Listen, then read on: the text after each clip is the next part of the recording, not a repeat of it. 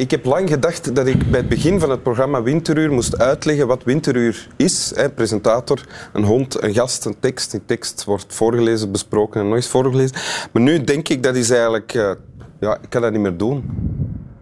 Dat is eigenlijk tijdverlies. Zeker, zeker eh, als ik eh, een gerenommeerde gast als mijn gast van vandaag naast mij heb zitten. Eh, welkom, Johan Braakman. Dank u. Filosoof en onder andere ook moraalfilosoof aan de Universiteit van Gent. Ehm, zal dat volstaan als inleiding? Meer dan voldoende. Vegetariër ook? Ja. Op ethische gronden? Niet Ja. omdat u niet graag vlees at? Nee, ik weet dat wel graag, of ik at dat graag. Ja. Tot voor... Oh, tot 25 jaar geleden of Oh, zo. oké. Ja.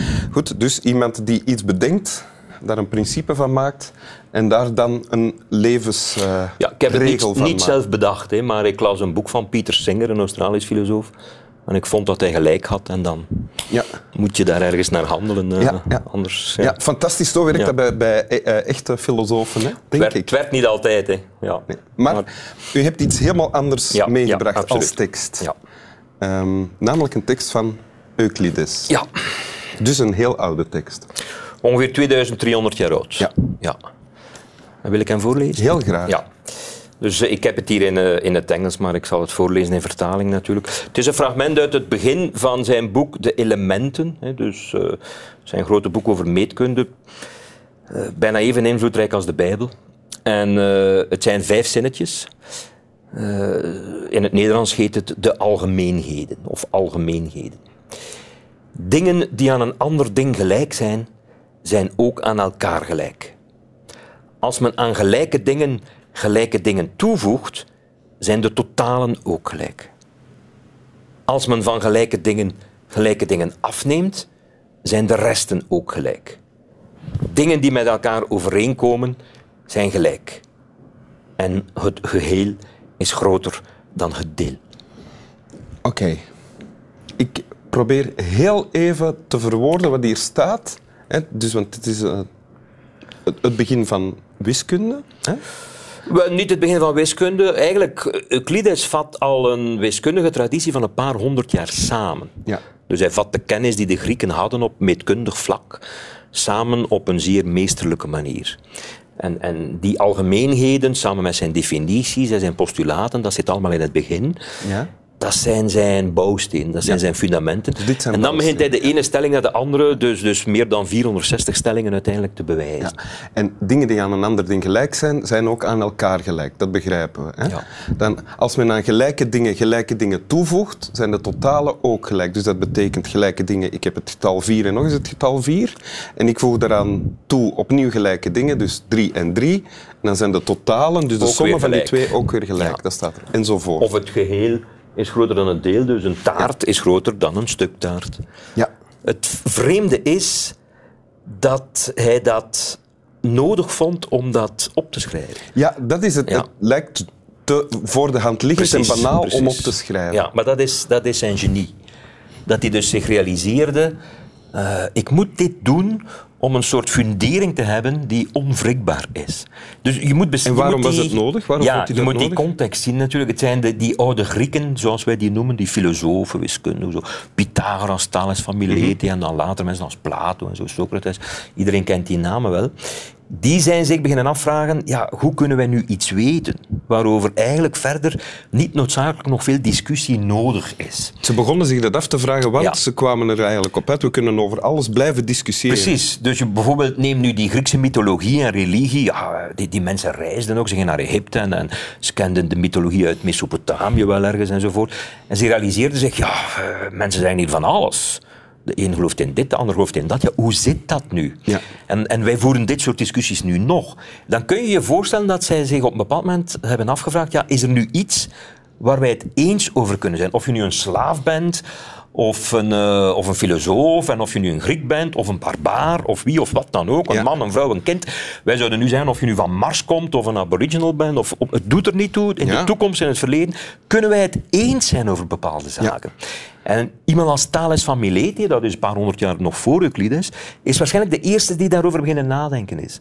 En die mensen hebben ingezien, Ja, dat kan, maar dan moet je het in de wiskunde zoeken op de eerste plaats. misschien kunnen we vandaar dan ook weer verder gaan. En dat is eigenlijk wat Euclides hier ook doet. Hij zegt, kijk, ik denk dat ik iets weet waar iedereen het kan over eens zijn, zoals bijvoorbeeld het geheel is groter dan het deel. En dan moet je al lang zoeken, maar denk ik. ik beginnen met het heel eenvoudig uh, Dat is het hele idee. Ja. Dus, dus daar begin je mee. Dus je moet lang zoeken hier. Je iemand gaat vinden die zegt, nee, volgens mij is een deel toch soms wel eens groter dan het geheel. Dat zou erg bizar zijn. Mhm. dus, dus iedereen kan dat wel inzien, om het even wat uw religie is, uw, uw ideologie, wat dan ook, dat het geheel groter is dan het deel. En als we het daarover eens zijn, dan raken we misschien weer een stapje verder. Dat is eigenlijk de filosofie die hierin zit, in die dertien boeken van Euclides. En hij doet dat zo stelling na stelling, honderden stellingen bewijst hij dan.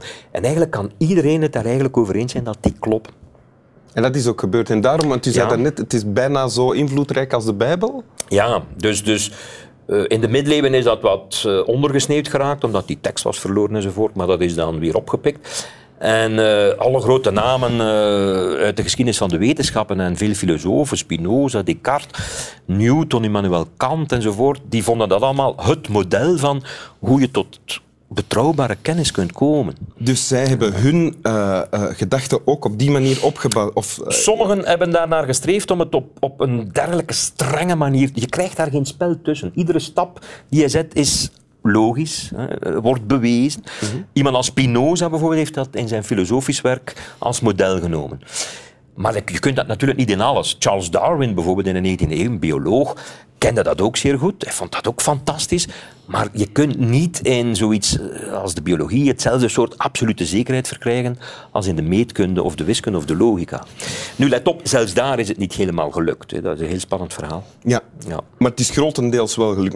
wat Eigenlijk ik wel, ja. als, als u een gedachtegang ontwikkelt en wil uh, communiceren aan de mensen, doet u dat dan ook? Volgt u dan ook die, deze... Maar je kunt daar wel naar streven.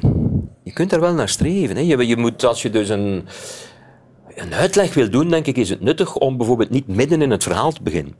Uh, maar om eerst, uh, als je een huis bouwt, uh, moet je eerst ook je fundering hebben. En daar bouw je dan op verder. Je begint niet met je dak hè, enzovoort. Dus mm -hmm. als je mensen wil overtuigen van iets, dan is het toch nuttig om hen mee te nemen in je gedachtegang. En stapje voor stapje of stapje na stapje kunnen ze je volgen. En uiteindelijk kun je dan misschien, zoals Euclides 400 en zoveel 60 keer doet, schrijven, quod erat demonstrandum, maar dan in het Grieks dus, wat moest bewezen worden. Hij zegt op voorhand, kijk, dit is mijn stelling mijn theorema, mijn dit, dit, dit, denk ik wat het geval is. En ik ga dat bewijzen. En hij begint heel simpel. En uiteindelijk, als je hem stapje voor stapje volgt, dat is, dat is zeer ontroerend, poëtisch ook. Als je zo'n stelling volgt en je leest het bewijs, dan snap je die gedachtegang van die man hier is 2300 jaar geleden zo op papier gezet. En dat ervaart u als en dat vindt u ontroerend? Dan? Ja, ik, want, want... Dus u leest dit niet alleen maar vanuit historisch perspectief, en dat is belangrijk, heel veel dingen zijn hierop. U leest het ook graag? Zeer graag. Ja? Ja, het is zo moeilijk om met mensen te communiceren zonder dat er misverstanden ontstaan. Ja. Als je Euclides leest, dan communiceer je met die man zonder ook maar enig misverstand te hebben. Natuurlijk, hij kan niet meer tegenspreken, maar je weet, je dus weet perfect wat zijn gedachtegang is. wiskunde is communicatie, zegt u nu Het is de, in die zin het meest ontroerende, de meest ontroerende vorm van communicatie die er is. Om, omdat je omdat de vonken zodanig kunnen overspringen, ook met iemand van 2300 jaar geleden, dat je weet, ik snap perfect wat hij bedoelde. En die man heeft gelijk. Misschien, misschien is dat een goede tip voor de wiskundeleraren in het middelbaar onderwijs, wat u net zei. Om, te, om, de les om het, of om het jaar te beginnen met de, de, mededeling wiskunde is de meest ontroerende manier van communicatie die er bestaat. Ja, ik weet niet of dat zal ik werken. Ik heb het zo niet ervaren nee, Het is wel zo, Euclides is eeuwenlang uh, ja, het meest gebruikte uh, pedagogische boek geweest in het onderwijs.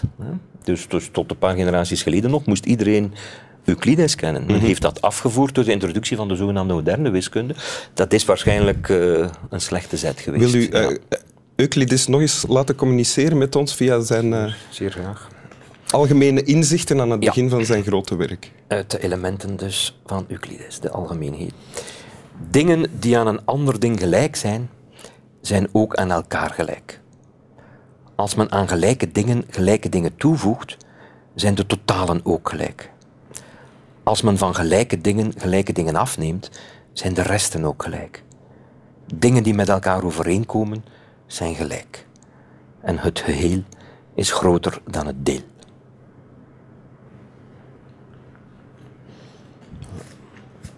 En ik hoop dat we het daarover eens zijn. Ja. Dank u wel. Graag gedaan. Slap wel.